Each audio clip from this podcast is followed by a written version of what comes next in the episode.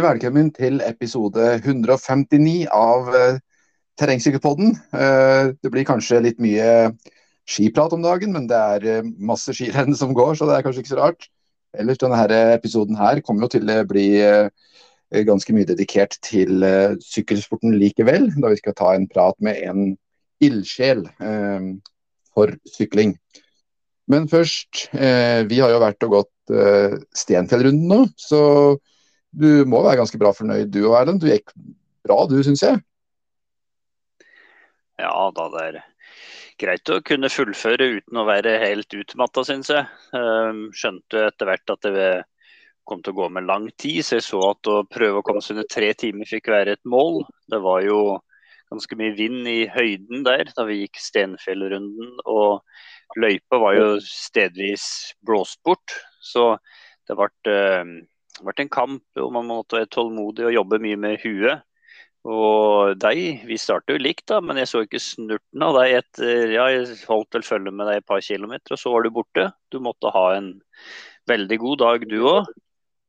Jeg hadde en veldig god dag. Jeg kjente egentlig allerede når jeg sto opp om morgenen at eh, i dag har jeg en god dag. Jeg kjente meg lett i kroppen og, og eh, ja, kjempe, eh, ja, veldig sånn eh, klar for å gå skirenn, egentlig.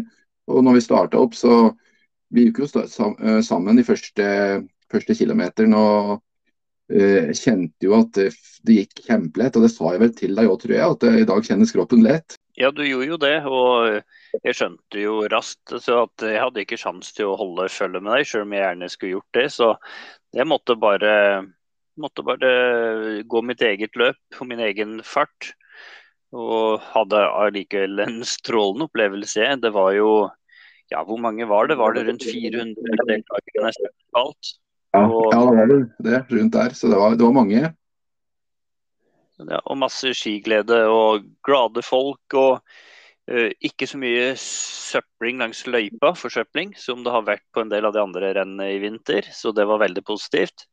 Dessverre så er det nok uh, fortsatt mange av de her som går på blanke ski og staker, som, som driver skøyter i motbakkene. Så blir, blir, man kvitt dette, og så begynner det å bli veldig gøy å gå i skirenn. Ja, det gjør det virkelig, altså. Eh, det var et fint skirenn, eh, det greiene der. Egentlig skulle ha, det hadde vært morsomt å visst hvordan man skal gå tilbake og kjenne på liksom, Hvordan får man tilbake sånne gode dager? Er sånne gode dager for min del da, som på en måte er det som er veldig motiverende når man går konkurranser både på sykkel og på ski. Men også jeg har prøvd å kopiere som noenlunde hva jeg har gjort eh, tidligere, for å å komme tilbake til liksom, få tilbake samme formen. Men det er nok fryktelig mange faktorer som spiller inn på hva som, eh, hva som eh, skaper en, en, god dag. Det kan være søvnkvalitet, det kan være kosthold, det kan være uh, stress på jobb osv. Så, videre, og så, videre. så det er helt, jeg syns det er nesten helt umulig å gjenskape sånne gode dager. Ja, det der er ikke lett. og For min egen del så har jeg erfart uh, det her, men jeg jobber jo en del nattevakter. og Denne uka her så har jeg jobba nattevakter og gikk av fredagsmorgenen. Og da var det å prøve å snu døgnet til lørdagsmorgen når man skal gå skirenn. Og jeg merka det at kroppen er i, rett og slett i ulage også, etter uh, å ha sov, sovet ujevnt og kanskje altfor lite totalt sett da, på mange, mange døgn. Så det, det tok nesten 20 km før jeg følte at jeg var liksom i konkurransemodus og var klar til å, å gå på. Uh, så jeg vet i hvert fall at det her med søvn det er kjempeviktig. Og hva som gjør at du nå hadde en såpass god dag, nei. Det hadde vært artig hvis du så litt tilbake på den treninga du har gjort i løpet av uken, og sett hva, hva, hva kan det komme av?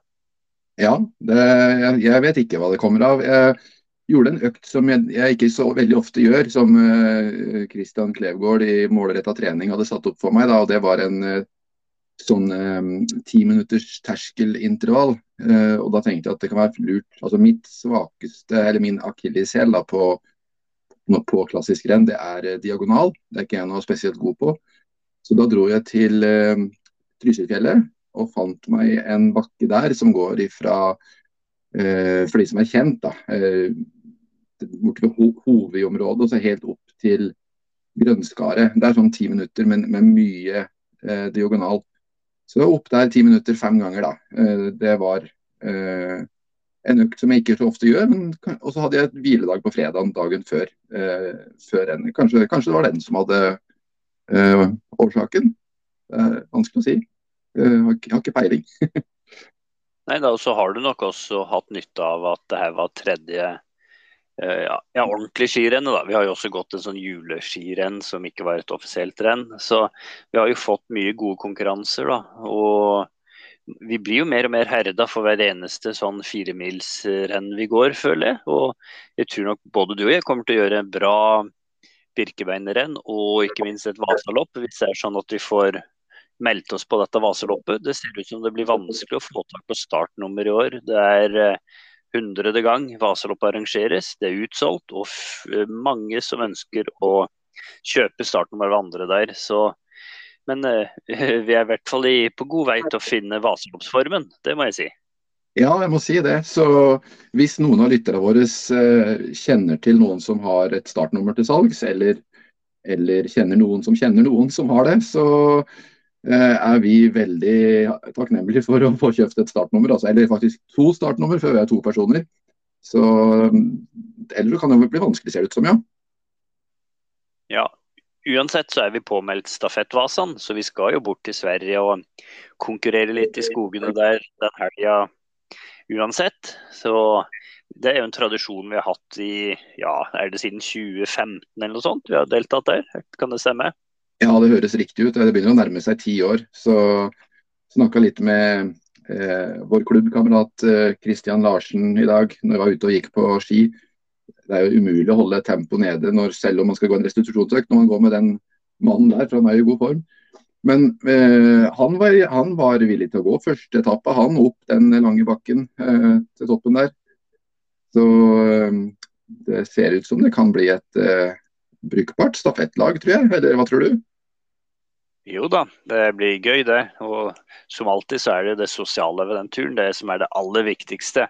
Like så mye som at vi, vi går gode skirenn og, og, møter mange andre skiglade mennesker. Eller så i forhold til sykling, da, så deltok jeg på Norgescup i Sift igjen denne uka her. Oi. Ja. Med, I B-klassa, som uh, også var i fjor. Uh, og det er utrolig mange gode syklister for tida. Er uh, jeg sliter eh, med å holde bakgruppa, egentlig, i B-klassa. Det, det, det, det, tråkkes på veldig fælt nå fra veldig mange rundt omkring i landet. Så blir det spennende å se nå da rittsesongen tar til. For å se om det er mange som har, uh, har tatt et steg fra i fjor. Det, det, blir veldig spennende å se. og Jeg følger jo ganske mange på Strava og ser at det trenes hardt rundt omkring i landet. Så, men du, du, har ikke fått sykla så mye på rulla kanskje, eller? Nei, jeg har ikke gjort det. Det har blitt noen økter. Jeg har kjørt en del sånne her lange terskeldrag. Jeg har, jeg har funnet ut det at eh, for min del så eh, er dette med lange, altså mye tid i terskelsone, eh, det er noe som funker veldig bra for meg. og jeg er kanskje ikke like mottakelig for trening på, på sone fire og fem, sånn som kanskje mange andre er. Jeg vet ikke helt hva som er grunnen til det, men vi er vel skrudd sammen forskjellig. Og nå har vi nå har jeg justert det treningsprogrammet sammen med Kristian, sånn at vi er eh, målretta trening. da.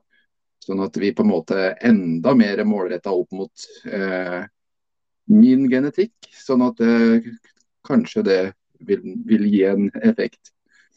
Ellers så eh, Når man snakker om sin egen trening og sin egen form, så har jeg hatt et, et sånt merkelig eh, ryggproblem egentlig denne sesongen her. Eh, det har jeg aldri hatt før, kanskje fordi jeg begynner å bli litt opp i åra. Men det har vært et sånn knepping. Så, så hvert eneste stavtak uh, har det vært et knepp i ryggen. Det har jo vi snakka litt om, uh, Erlend, hva som kunne være årsaken til det. Og jeg har jo vært til kiropraktor to ganger nå.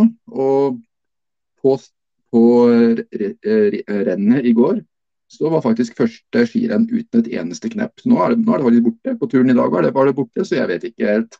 Kanskje han har Kanskje han har peiling, han kiropraktoren her. Altså. Ja, det høres jo nesten sånn ut. og Det at du ble kvitt knepping i ryggen og samtidig uh, tok et knepp opp i forhold til prestasjon, det, dette tyder veldig bra, det altså.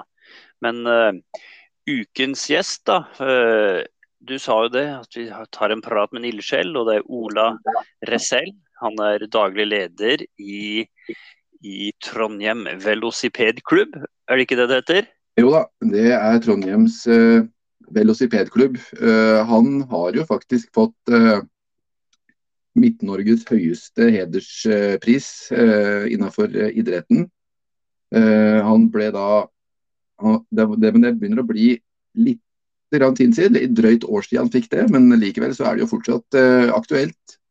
Fikk hedersbetegnelsen for sitt engasjement innenfor sykling. Og Vi har snakka ganske mye tidligere, flere episoder vi har snakka om Nilsbyen terrengsykkelpark.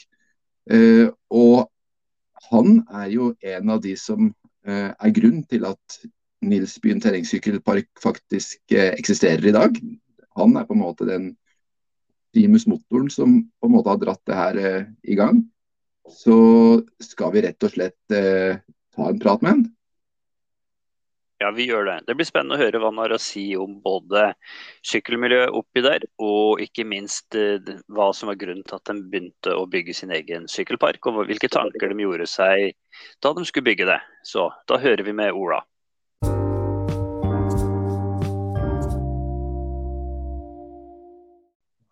Da er vi så heldige at vi har med oss eh, Ola Resel fra Trondheims eh, velocipedklubb. Du har jo blitt kåra til eh, årets ildsjel eh, i forbindelse med ditt engasjement for sykling. Det begynner å bli eh, noen måneder siden, et år siden omtrent, du fikk den ildprisen, ildsjelprisen. Men kan ikke du fortelle litt om eh, deg sjøl først? Ja, det kan jeg gjøre. Jeg heter jo Ola Resell og kom vel inn i syklinga gjennom eh, at eldste gutten hadde lyst til å sykle. Eh, det begynner å bli noen år siden nå, da. Og så ble jeg etter hvert da engasjert i, ja, som trener og i styret osv. Har også vært innom eh, langrennssporten som trener. og ja. Sjøl er jeg opprinnelig langrennsløper, så jeg har ikke noe erfaring som syklist. Men eh, siste ja, det blir vel drøyt 15 år, da. Kanskje 20 snart. Så har jeg blitt engasjert i syklinga gjennom barna, da. Så ja. Ja, det er kjempespennende. Det er, eh, er det sånn at du sykler en del sjøl òg, eller er det mest at du driver på og eh, støtter opp om de som er aktive? Jeg sykler litt sjøl, eh, særlig i starten. Ja, det begynner å bli kanskje 15 år siden nå. Så begynte jeg å trene litt, for jeg fant ut at jeg måtte være med på noe ritt sjøl for å skjønne hva det går ut på, det som ungene mine holder på med. Så da, ja. så da, da, ble jeg med i noen lokale ritt, bl.a. Markatrilleren. Og så ble jeg med på Birken faktisk i 2009, var det vel første gangen. Ja. Uh, også en del rundbaneritt, da, for det er jo det som egentlig er det morsomme, synes jeg, da, med litt mer teknikk. da. Så det var med i den, det som da het Trøndercupen i rundbane. da. Så ja, jeg var til og med med i NM i masterklassen, da, ikke sant. Så, oi, oi. så da var jeg jo Men altså Listefyll, ikke sant. Så, ja, men... Det var best for å finne ut hva det her gikk ut på, da. Det, ja, ja. Ja. De fleste av oss som driver med den uh, idretten her, det er jo, vi er jo listefyll, men det er jo fordi det er, det er fryktelig moro å, å være med og konkurrere og sånt. Så, vi, vi, er mange om, om det. Ja, men sånn, si, Selve terrengsyklinga fikk jeg en liten forsmak på når jeg var rundt 30 år. For da hadde jeg en kollega som hadde kjøpt seg terrengsykkel, og som fikk lurt meg til å kjøpe. Da, da, da sykla vi litt i bymarka her i Trondheim, det var før jeg fikk barn. da, så, Men da liksom lærte jeg helt grunnleggende. da, Men så ble det småunger, og så ble det litt pause, ikke sant, ikke så mye. Men så, ja, så når ungene ville begynne å sykle, så ble det sånn at jeg begynte å sykle mer sjøl igjen. da, Og begynte å trene litt. da, ja. Ja. Det, ja. ja. Men de siste årene har det blitt litt mindre egentrening, da kan jeg si. Men uh, jeg syns det er artig å ut og sykle på sti og ja. Ja, og dere har jo den bymarka oppe i Trondheim der som er uh, ja. et uh, eldorado for de som er glad i å sykle på sti, da. Mm, det er jo det. Og men så har vi jo etter hvert fått laga oss en terrengsykkelpark. Da. Men det kan vi jo sikkert komme tilbake til. Jeg har, Ja. det, det kan jeg snakke mye om. Ja, for det er jo litt interessant, for det, den er ikke så veldig gammel. og eh, Hvis jeg ikke tipper helt feil, så tror jeg kanskje du er en av de som har stått bak eh, Nilsbyen terrengsykkelpark? Ja, jo, det stemmer nok det. Det var vel sikkert derfor jeg fikk den der eh, ildsjelprisen fra Trondheim kommune da, i fjor, eller ja, var det fjor det. Så, nei, for vi, eh, vi begynte å bygge i 2020, da, og nå i 2023 så var vi ferdig med det vi hadde planlagt. Eh, Men det som er så fint med en sånn terrengsykkelpark, da, at man kan begynne å ta i bruk stiene etter hvert som de blir bygd. da. Mm. Så når vi var ferdig med de første 50 meterne av den første sykkelløypa, så var det jo fullt av unger der med en gang. Det var litt artig, da. Så, Nei, Ja. altså det, det har blitt et veldig bra anlegg. da, og Det som er så fint, er at det, det er ikke bare for klubben, da, det er også for eh, så veldig mange andre som bruker anlegget. da, Både skoleklasser og skoletrinn på dagtid. og det er Unger og småbarnsfamilier på kvelder og i helgen. da.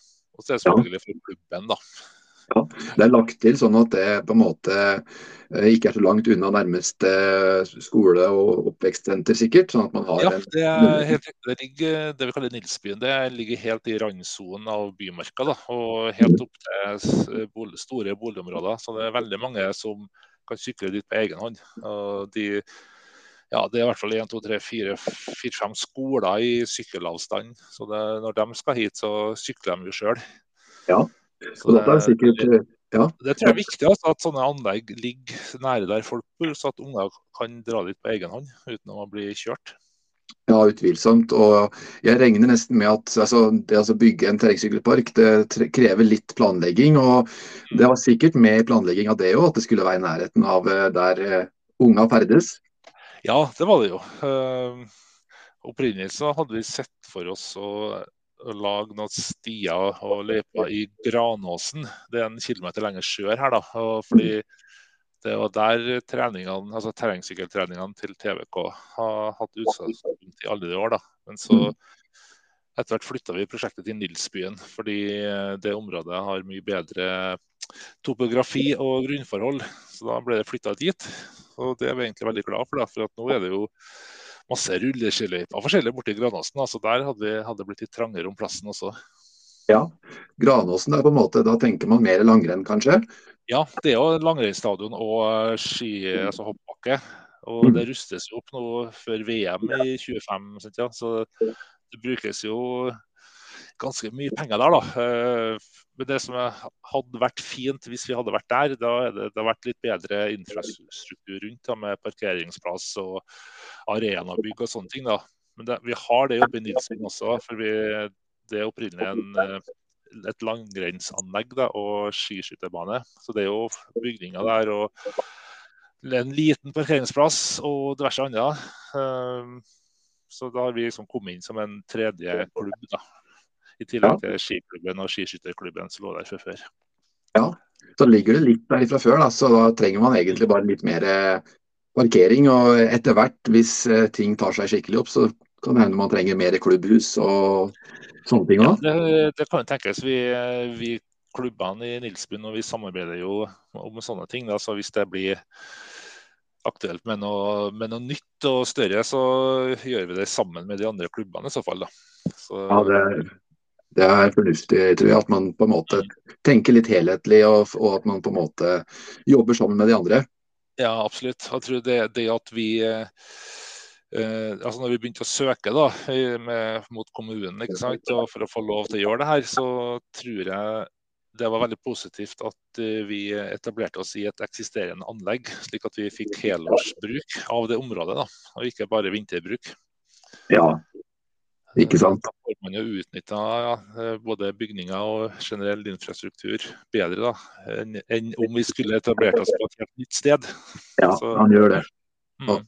Og så Samtidig så tenker jeg vel kanskje at eh, noen av unga, det, det er vel de samme unga som er både med på både langrenn og skiskyting og, og sykkel, sikkert? Absolutt. Det, det har vært min eh, lille kjepphest i flere år, det å få langrennsfolket til å skjønne at terrengsykling og langrenn passer veldig godt sammen. Så, ja, vi har sett mange eksempler på det, faktisk. Ja, ja, jeg har jo det. Og de, ja, folket i Byåsen langrenn har nesten blitt lei av at jeg driver og maser om det her, men nå har de etter hvert eh, flere og flere sett lyset. da, så det er, det er ganske mange barn som er med både på terrengsykling og langrenn. da. Så det er, ja, det er en kombinasjon. Ja. Eh, så hvis jeg forstår det riktig, så du har vel noe, noe bein innenfor skoleverket òg, har du ikke det? Uh, nei, det har jeg ikke. Um, nei. Uh, bortsett fra at min mor var lærer. Det er vel det beinet jeg har innen skoleverket. Ja, det var, det var, det jeg mente. Nei, ja. ja, sånn, ok, ja. Mm. Nei, jeg bare blingser litt når jeg har lest, sikkert.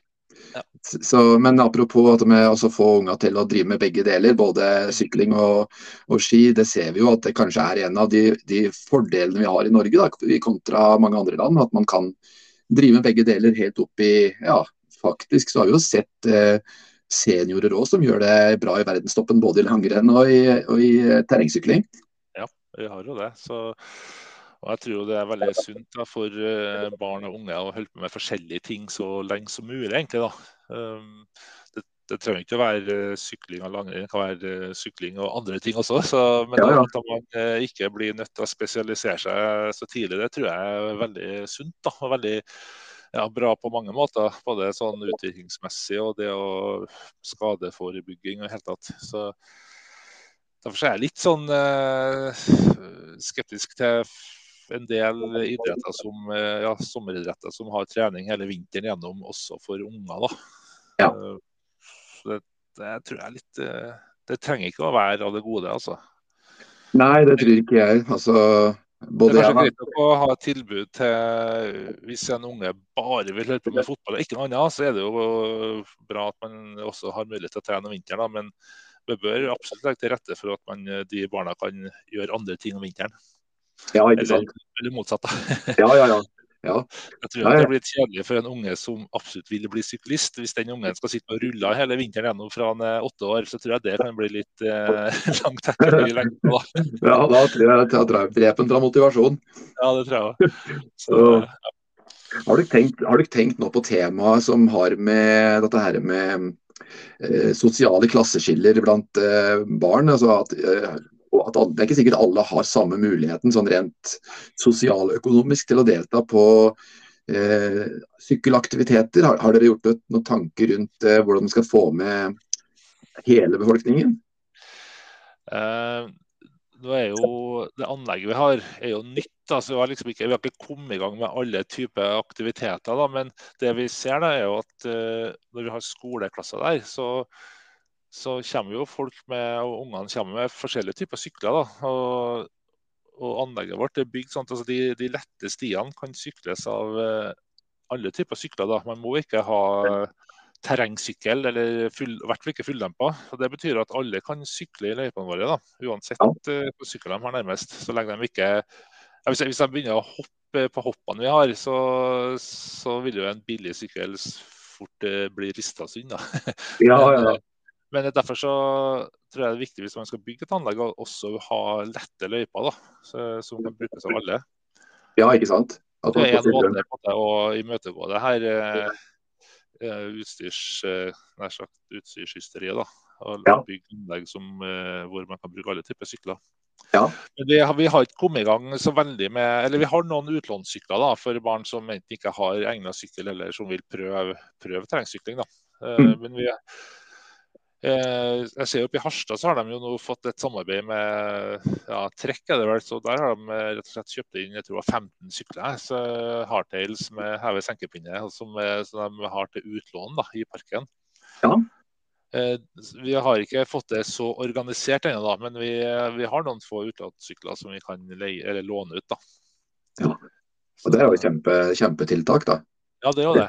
Og så er det også slik at Anlegget vårt er jo gratis i bruk og åpent og tilgjengelig døgnet rundt. Så der ligger det jo der for, for alle å bruke. da. Ja. Det, det, tror jeg er viktig. da. At det, det er kjempeviktig. Betaler noe løypeavgift eller Noe sånt. Ja, Der ser man jo forskjell på sånn innendørs- eller hall halleidretter. da. Mm. Eh, de halve er jo eh, åpne for treninger kun i begrensa tidsrom. Eh, Ja. Ofte er det ganske dyrt å være medlem. Så Sånn sett Ja. så scorer jo syklinga bra da, i forhold til at det blir på en måte mer en idrett eh, for alle, egentlig. Ja, det blir jo det sånn sett, ja. Og vi har, eh, vi har veldig lav aktivitetsavgift til oss, da. Og det har vært uforandra i de siste seks-sju årene, da. Så vi, vi, vi slipper å legge på eh, aktivitetsavgifter for å finansiere anlegg, da. For Ja. anlegg, er er finansiert med penger fra Gjensidigestiftelsen og en stiftelse, lokal stiftelse og Sparebanken, pluss kommunen og spillmidler. Så, så vi, har, vi slipper å ta, å ta en ekstra avgift fra medlemmene for å bruke anlegget. Da. Ja, Det er jo fantastisk. Ja, det er, også. Så det, det er veldig viktig å tro at det er sånn. At det er tilgjengelig for alle. ja, det tror jeg òg. Og det er jo mulig, altså, det er mulig, som du sier, å få tilskudd fra fra Gjensidigestiftelsen til sånne tiltak. Eh, Så kanskje man også skulle ha eh, rett og slett eh, søkt på midler til å kjøpe inn flere sykler òg. Det hadde kanskje vært en kul Ja, idé. har faktisk eh, vi har gjort det. da, så vi, Det finnes jo mange ordninger man kan søke på, da, både offentlige og stiftelser. da. Så vi, Jeg husker da jeg var liten, så hadde jeg en sånn eh, gammel Apache-sykkel. Jeg vet ikke om du husker dem? jeg? Jo.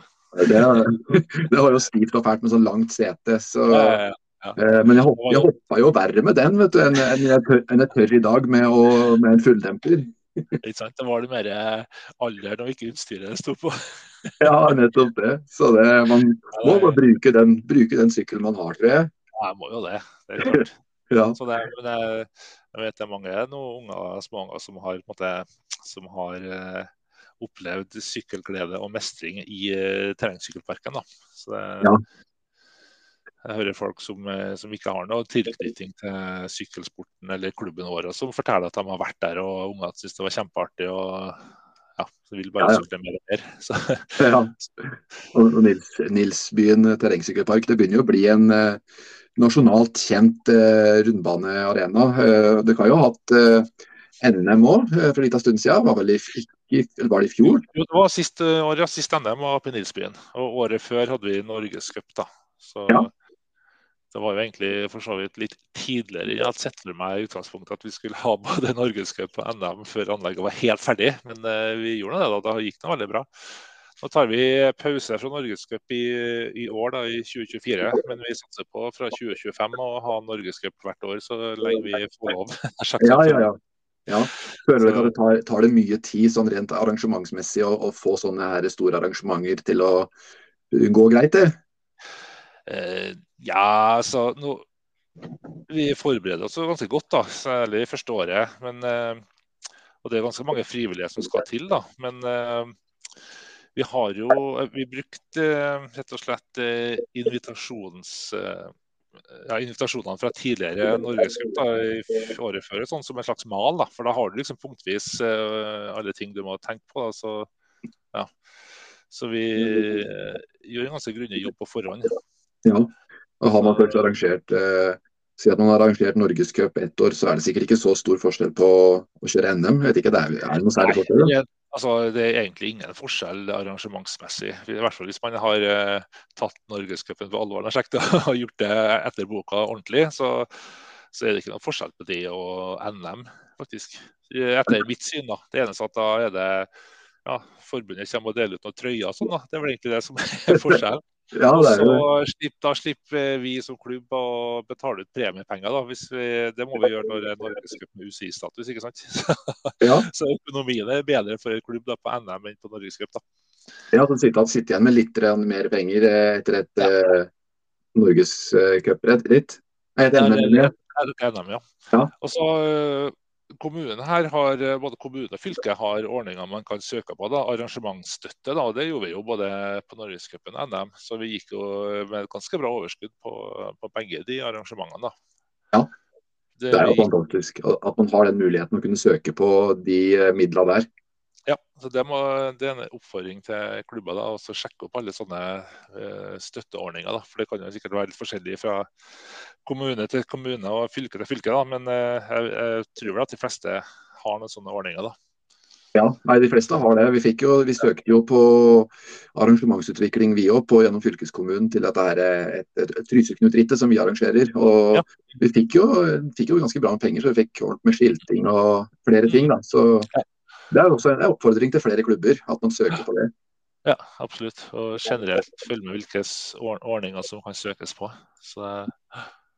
Ja, absolutt.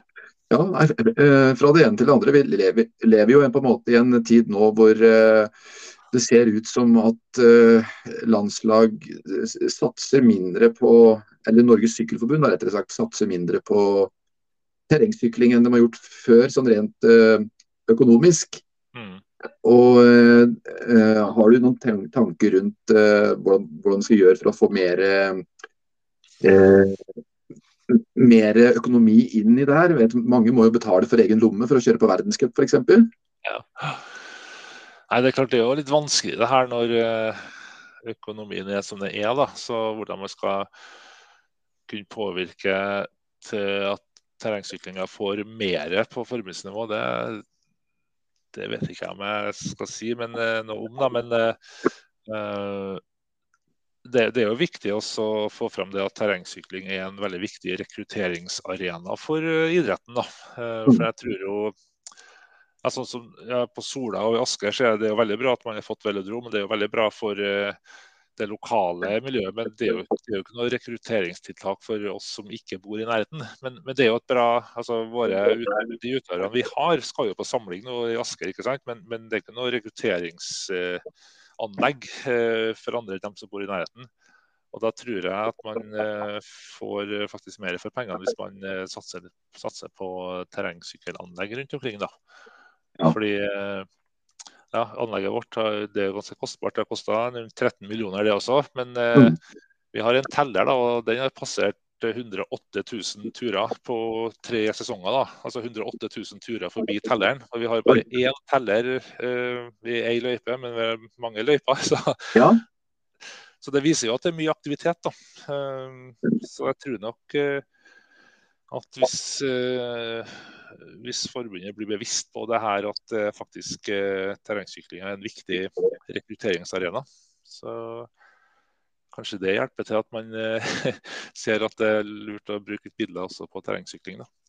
Ja, ja. Så er det jo viktig at de yngre utøverne ser at det går an å satse også. da. At eh, Hvis man begynner å bli litt god, så at forbundet er villig til å bruke litt midler på, ja, på landslaget. da. Ja.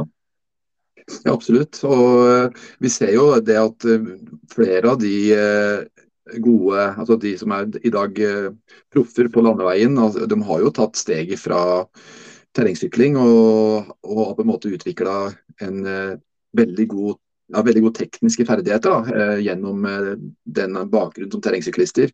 Jørgen, Jørgen Nordhagen er vel ett eksempel der. Mm, helt klart. Jeg har jo han eldste av mine gutter. Han ble jo etter hvert eh, Da. Han satsa jo på terreng fram til han var 21, så han har vært under X. da. Um, så, men han har hatt veldig mye nytte av terrengbakgrunnen. da. Så ja. det, han så jo for seg å satse terrengsykling, men så han er jo som blitt ganske stor gutt. da, så Hvis du er stor og tung, så er det litt flere muligheter på landeveien enn i terrenget, da, tross alt. Så det var det egentlig medvirkende til at han gikk over. At ja, ikke sant. Er bedre som eh, landeveissyklist enn terrengsyklist, rent sånn eh, biologisk. Ja, ja, ja. ja. ja. Apropos den telleren, eh, er det dyrt å skaffe seg en sånn teller som eh, måler løpere, eller måler syklister? Eh, det var faktisk Rekkje stiutvikling som fikk tak i den.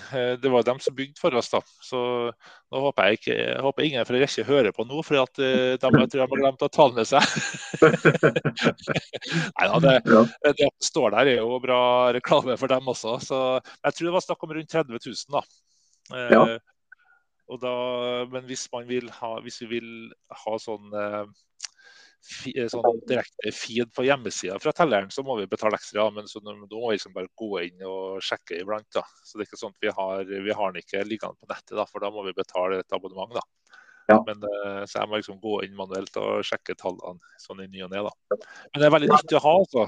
Så jeg er veldig glad for at vi har den. for at når vi kan, Hvis vi skal ja, søke om midler til f.eks. Ut, utvidelse av parken, så er det veldig fint å ha det tallet å vise til. altså. Absolutt. Vi er som idrettslaget her òg Vi har snakka lenge på vi skulle hatt en teller ute i skiløypene våre for også på en måte ja. Mm. dokumentere bruken av det. da. Men vi har liksom ikke kommet over noe som har vært rimelig. og det er jo 30 000 er jo en investering, da. Absolutt, det er det jo. Så, men for Ressi sin del så kan jo de bruke det i, ja, i markedsføringa av sitt produkt, da, som er bygging av stier. Så jeg, jeg, tror nok de syns det er verdt pengene, da, sånn sett. Og jeg er jo kjempeglad for at den står der for vår del også. Så, Absolutt. Mm. Ja. ja. men du, Jeg ble nysgjerrig på det her med, med klubben som du eh, Du sitter i styret for eh, TVK, gjør du ikke det?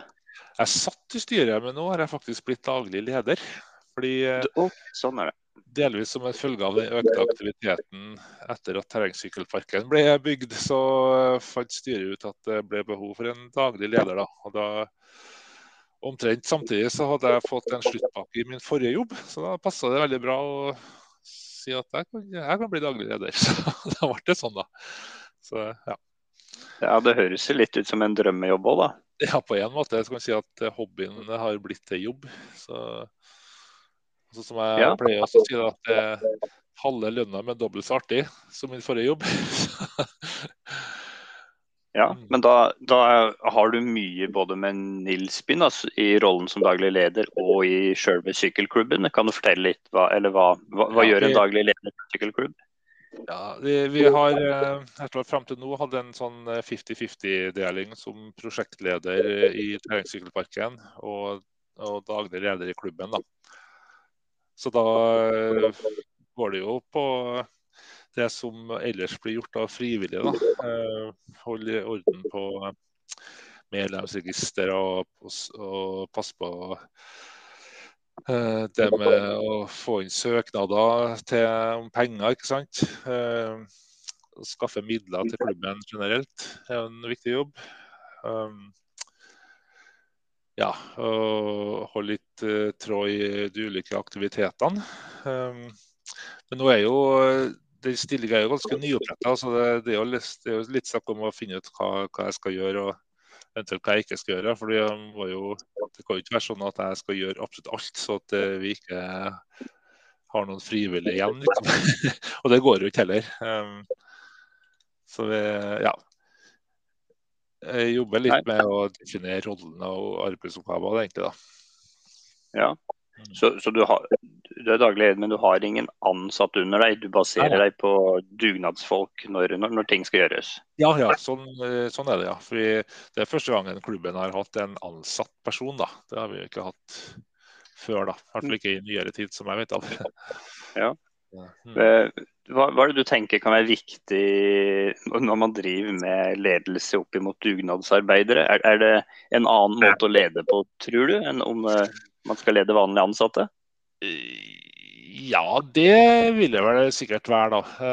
Nå har jeg ikke hatt noe lederstilling før heller, da, sånn sett, så jeg har vel ikke noe direkte å sammenligne med. Men det, er jo, det er jo litt annerledes å å skulle lede frivillige kontra egne ansatte. For at uh, De frivillige får jo tross alt ikke lønn for det de gjør. Så det er jo en annen type motivasjon. da.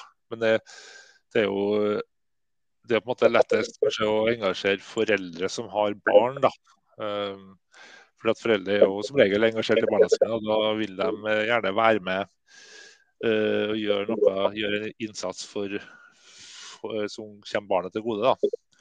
Så det, det er jo egentlig eh, foreldregruppa som er den viktigste eh, gruppa vi, vi, går ut til da, når vi skal arrangere ritt og forskjellig. Så at, eh, mm.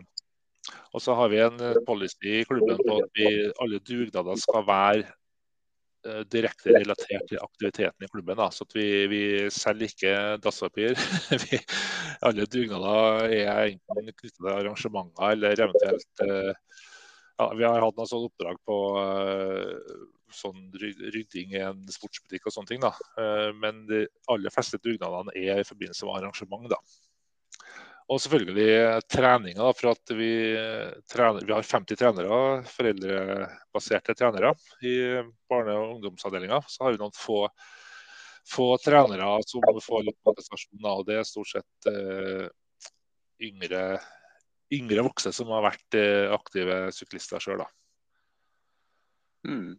Så dere har 50 trenere, men det, da, da, må dere ha ganske mye medlemmer totalt sett i TVK. Kan ikke du si litt om uh, hvor mange medlemmer dere har, om det er mange barn? Er det også voksne medlemmer, og hvordan fordeler det seg?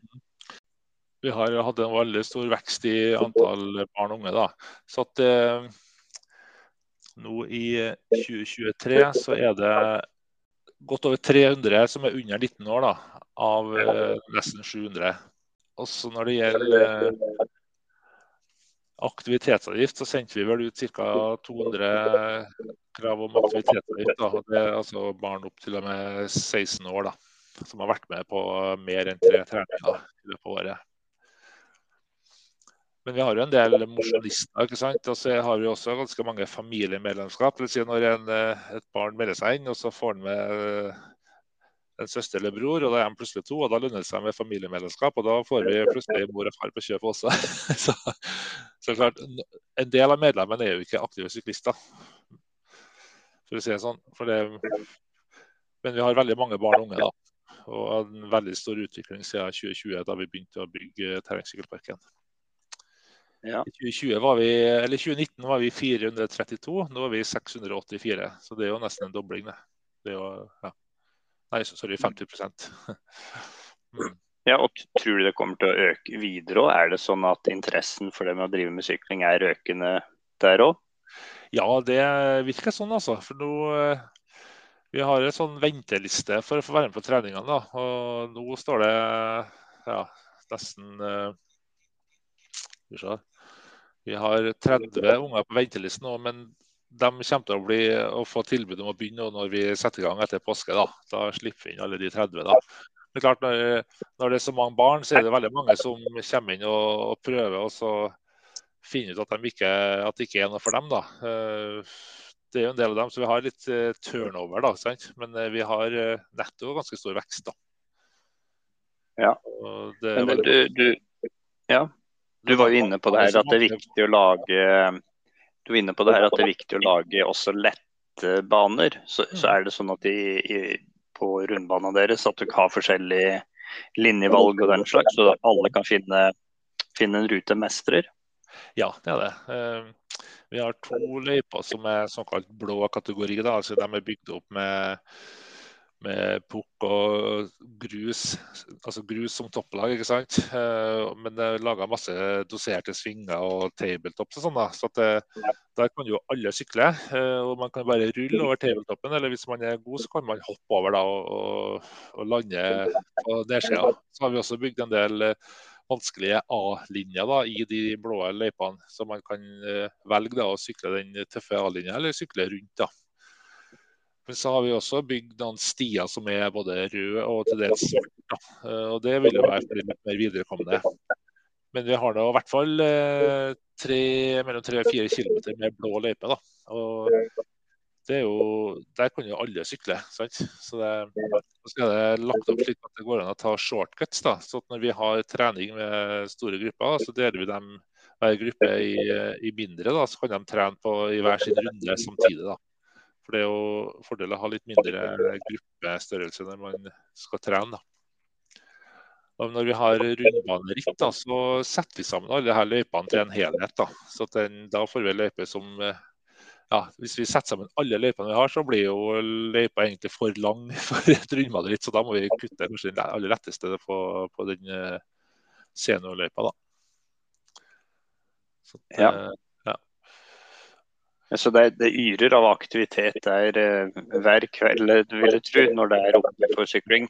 Ja, det, det er mandager som er, liksom, som er den store treningsdagen til oss. Da er alle grupper samla samtidig. Da. Da, da er det nesten 200 barn eh, som møter opp, eller ja, i hvert fall 150. Og, men da er det sånn at de eldste da, må da sykle i Bymarka først. da, og Så kommer de tilbake i sjutida og så har en halvtime i anlegget når de minste er ferdig. da. Uh, så da er det stappfullt. Da er jo anlegget stengt for andre folk, da. For da er det rett og slett ikke plass. Men så har jo de, vi har en konkurransegruppe for dem som er 13 år oppover. da, og De har også tirsdager og torsdager da, som, som treningsdager. da. Du var jo litt inne på det at du hadde en sønn som hadde gått over til Uno X. Så, så da har jo du sikkert fått fulgt med på det her Eh, det med utviklinga fra å være ung syklist osv. Uh, mange av lyttere våre er jo i den fasen at de kanskje er på videregående og lurer på om de skal satse videre og sånn. og Har du gjort deg noen tanker om det med liksom Hvordan skal man finne ut av om sykling er en levevei eller ikke? Har du noen tanker rundt det her? Um, ja, Det er klart det er, jo, det er kanskje vanskelig å ha det som levevei, i hvert fall i terrengsykling. Da må du være så god at du kommer på et uh, profflag. Det er vel ganske trangt nåløye. Men uh, da tenker jeg at det er viktig at uh, ungdommen ser at det går an.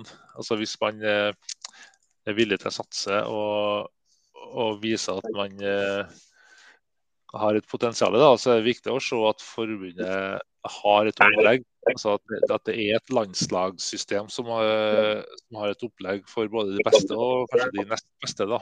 Så, så det er jo én ting. Um, og så er det her med Hvis man Det er jo sånn at det er jo mer penger i landeveissyklinga enn det er i terrengsyklinga. Uh, det, det, er flere som kan leve av landeveissykling enn terrengsykling. Da. Så, men hvis du spør om uh, han Erik, han sønnen min, så var det faktisk det var, det var ikke penger som gjorde at han eh, meldte overgang til, til landevei. Det var det at uh, han fant ut at han var, hans ryttertype passer bedre på landevei enn på terreng. da. Um, ja. ja. Jeg vet ikke om det var svar på Ja, ja. Nei, men det, det jo, vi ser jo vel eh, Ofte så går jo terrengsykler over til landeveier, også av ulike årsaker. da, Men mm. etter hvert når man kommer i en viss alder, så er man jo også kanskje avhengig av en inntekt for å kunne fortsette på den måten. Så. Da har det naturlig vært å gå over til landevei. Men nå, nå vil jeg si, si, at det snur litt. Vi ser flere og flere som kan faktisk satse ren terrengsykling. òg. men vi må kanskje da lage sitt eget opplegg og drive på noen år før man kom, kommer å bli en del av et team. Og, ja, nei, det var, man må jo være tålmodig i hvert fall. da, og ikke gi opp hvis man møter litt motgang. Det, jeg har jo også en datter da, som Berit, som uh, hun blir 24 år i år. da. Hun uh, satser jo terreng. da. Hun, hun bor på Lillehammer og sykler for Lillehammer sykkelklubb. Um, og Vi har jo hatt en del motgang med ja, skader og sykdom og sånn. Da tror jeg det er viktig at man er tålmodig i, i like faser. da. I hvert fall hvis man uh, uh, sykdom, at man ikke er for ivrig å, å starte opp igjen med trening for tidlig. Da. For da kan man jo pådra seg ting som er skikkelig langvarig. Så, men hvis man er tålmodig i sånne faser, så, så kan man jo komme lenger senere. Da. For det er jo veldig mange også da, som er såkalte late bloomers, som, som blir gode når de nærmer seg 30. Så, så, sånn sett så mener jeg at landslaget bør også satse på dem som som er nest best, også etter at de har passert uh, U23-nivået. Mm. Så I hvert fall hvis det er økonomi til det. Men i hvert fall uansett så er det viktig at uh, unge utøvere ser at det er mulig å satse terreng. Og at uh, det er et opplegg i, i landslagsregi som, som favner litt flere enn bare det aller beste. Da. Ja, det er vel å ha et miljø for de aller beste òg. Det må jo ha noen å trene med òg. Sånn at... Ja, må jo det. Så at ja. eh, kanskje det, man har samlinger som er koordinert av landslaget, da, men eventuelt med en, med en egenandel for dem som ikke er aller best. Da. I hvert fall så lenge økonomien er som den er. Da. Så det er jo, Hvis man får anledning til å være med på en samling med de, med de beste, da, så er det bedre å få være med og måtte betale en egenandel enn å ikke få være med i hele tatt. tenker ja. jeg da. Absolutt. Så, eh, men da vet du sikkert før hun Berit Hun har vel gått litt på ski òg, har ikke hun det? Mm, både Erik og Berit gikk på, aktivt på ski helt til de eh, starta på idrettsgymnas og ville satse sykkel. da. Ja. Var, har det bare vært heldig det her med å ha den kondisjonsgrunnlaget å gå på, når man da senere bare satser sykling? Ja, det vil jeg nå tro. Uh, man får jo god kondisjon av å trene langrenn. Så jeg, Nå er jeg ikke en sånn treningsekspert, så, men jeg kan ikke se for meg at det er negativt det å ha gått mye på ski. da. Det må jo være bare positivt. Ja. Er jo liksom sånn, sånn halvt på fleip at uh, terrengsykling ligner mer på langrenn enn det ligner på landeveissykling. For det er på en måte uh, samsvarende arbeidskrav. Høy intensitet over tid. Um, det er litt, litt flåsete sagt, da, for det er jo mye likheter mellom terrengsykling og landeveissykling også, da, selvfølgelig. Så, men for, for ja. ungdom så tror jeg det bare er vinn-vinn å drive med langrenn, selv om du skal bli syklist. da. Ja, og så er det vel det her du var inne på med å dele opp uh, året litt òg, at det er litt lyttbetont, i stedet for å sette seg på rulla. ja, ja, absolutt. Mm. Det, det, er en god nok grunn i seg sjøl, egentlig, det. da, sånn sett. Så. Ja. Mm. Nei, men da uh, må vi bare si tusen takk for at du egentlig ble med på podkasten. Og så lykke til med videre jobben med å fremme sykkelidretten oppe i, oppe i Trøndelag. Så håper jeg at vi kan ta en prat med senere en gang hvis du ikke har noen store arrangementer eller noe ja. annet å komme med. Og så må dere gjerne komme og sjekke ut Nilsbyen terrengsykkelpark. Skal jeg gi dere en guidet tur oppi der? Ja, det hadde vært veldig rått. Så Ingar får ta oss en tur. Uh, en gang vi skal nordover. Ja, vi gjør det. Jeg nevne at Trysil, det anlegget i Gullia, er jo en av de store inspirasjonskildene til Nilsbyen. da. Så at vi, vi sier at vi har laget en sånn mini-Trysil mini oppe i Nilsbyen. Det, ja, ikke sant. Første gangen jeg var der, så så jeg at de, de løypene var bygd slik at man kan sykle rolig eller man kan sykle fort. og Da blir det vanskelig hvis man sykler fort. Det er litt sånn samme opplegget i noen av løypene våre i Nilsbyen. Ja. Alle kan sykle der, men du må være god for å sykle fort. Så det er litt ålreit. Ja. Da er det jo liksom utviklingspotensial for, for, alle. Men det har vært spennende å se hvordan anlegget deres har blitt. Så. Mm. Nei, men Tusen takk for at du tok deg tida. Så får du en mm. god dag videre. I like måte. Ha det bra. Ha det bra.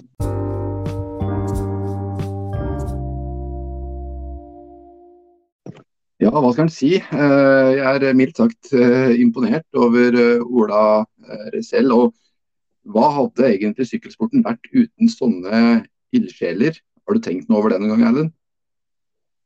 Ja, og vi ser jo det at i enhver sykkelklubb i det landet her, så finnes det en primusmotor, og, og kanskje flere òg, som egentlig uh, legger inn mye mer enn man kan kreve av dem for at, uh, for at andre skal få muligheten til å utvikle seg innenfor sine idrettsgrener. Da.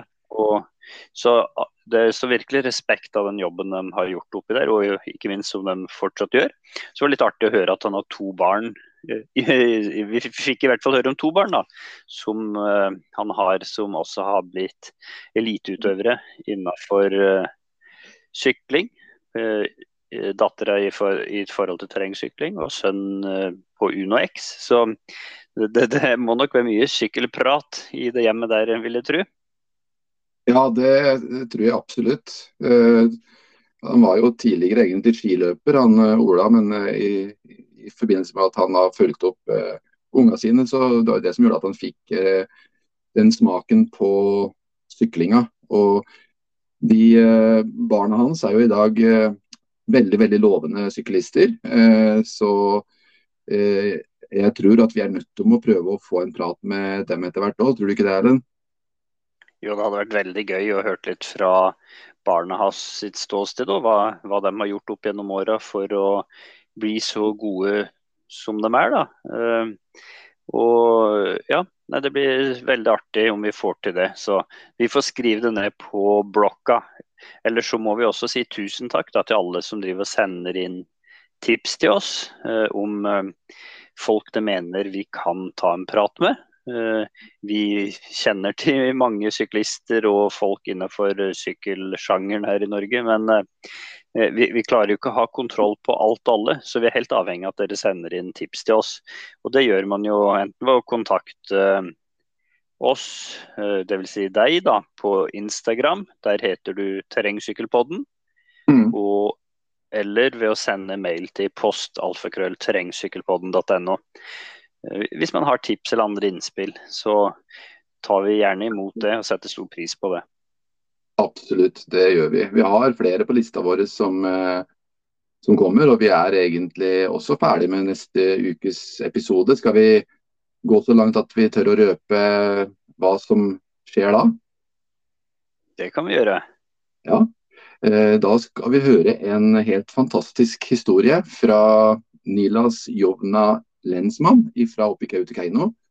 Eh, en livsstilsendring som har Eh, som er ganske omfattende, for en eh, mildt sagt si. Og eh, man på en måte har ifra å være en relativt utrent, overvektig person til å i dag være en, en sprek syklist med både masse watt per kilo kroppsvekt og en som finner masse glede i det å sykle. Så dere kan glede dere til å høre den episoden. Absolutt. Det, det, det, er artig å høre sånne historier at uh, man kan bruke sykling og terrengsykling som uh, springbrett til, til uh, bedre livskvalitet. Absolutt, det, det, er det. Ellers, planer før kommende uke, du? Du, skal vel, du blir ikke noe renn på deg til helga? Nei, det eneste jeg vet om foreløpig, det er jo Norgescup i i Swift. Det er hver onsdagskveld, så jeg må være med på det. Ellers så jobber jeg til helga, så da får ikke jeg gått noe skirenn da. Men jeg har jo hørt noen rykter om at du, du går jo glipp av Trysil skimaraton, som er om to helger. Sånn at uh, du kanskje skal melde deg på et annet skirenn i området der. Hva, hva slags skirenn er dette? Det er eh, Sjusjøen skimaraton som går neste lørdag. Så jeg har ikke helt 100% bestemt meg enda, men, men eh, jeg tror jeg skal gå. Og Kristian, som er klubbkameraten vår, Kristian Larsen, da, eh, eh, skal også være med, tror jeg. Så da blir vi to som drar herifra på det rennet der, da. Så det, jeg, tror at, jeg tror at den type trening er det som på en måte er det som gir mest effekt. Hvis du ønsker å gå fort på lange løp, så er det sånn trening som gir mest effekt. Jeg merker jo det etter rennet etter Trysil-knutrennet så var det jo ganske vondt i, i, håndledd og ledd og muskulatur og hele pakka. Mens etter rennet i går, som egentlig var et hardere renn, så merker jeg ingenting. Det kan jo tyde på at kroppen herdes. og Du, vel, du kjenner vel kanskje litt mindre etter det rennet her, du òg? Ja, da, det er helt utrolig altså, hva med et par sånne gjennomkjøringer, lange renn, gjør med kroppen. Altså hva man venner seg til. Det fra å være, føle seg ganske ødelagt da, til uh, Jeg skal være helt uh, oppriktig, så når den følelsen jeg hadde jeg kom i mål i går, da, selv om jeg hadde jo ikke så veldig høyt tempo, men jeg følte at det tempoet jeg holdt, eh, det var sånn at jeg kunne gått hele runden en gang til uten uh, veldig store problemer. da, Bare ved å ha hatt påfyll av energi. Mm. Så det, det hjelper å gå halvharde tretimersturer, i hvert fall når man ikke har all verdens grunnlag fra rulleski og den slags i løpet av sesongen ellers. Så det er bare å anbefale til flere. Meld dere på lokale turrenn, så kommer dere i form til de viktigste rennene. Absolutt, absolutt, ja. Og du gikk jo fortere òg enn du gjorde på Tryseknut-rennet, hvis, hvis, jeg har sett litt riktig på resultatlista og utviklinga underveis. Så det er jo en del faktorer som spiller inn. Masse, masse vind, en del løyper som var igjen blåst. Eh, 300-400 høydemeter ekstra å forsere, pluss eh, eh, nesten to kilometer lengre. Så, og så har du gått vel på omtrent samme tida som du gjorde på Tryseknut-rennet. Så jeg tror du har gått litt fortere nå enn du gjorde forrige helga før. Jo da, jeg brukte jo lengre tid, men kanskje hvis man drar inn de andre variablene, så kan, kan, det kanskje hende at man gikk fortere totalt sett. Så det, det var jo ikke en helt vanlig sånn turrenntrasé, sånn som jeg ser det. Det var jo mer litt ja, litt sånn norgescupaktige løyper. Og så mye bratte kneiker oppover og bratt nedover. Uh, før siste halvdelen egentlig var mer som vanlig, sånn som turen pleier å være, da, med med myrer og slake bakker. Så, mm. men det er artig å få teste ut det en gang iblant òg. Så nei, ja, men eh, da kan vi jo prøve å runde av denne ukas episode. Ja, vi gjør det. Så da får vi egentlig ønske alle sammen en riktig god treningsuke. Og så høres vi som vanlig neste mandag. Ha det bra, da.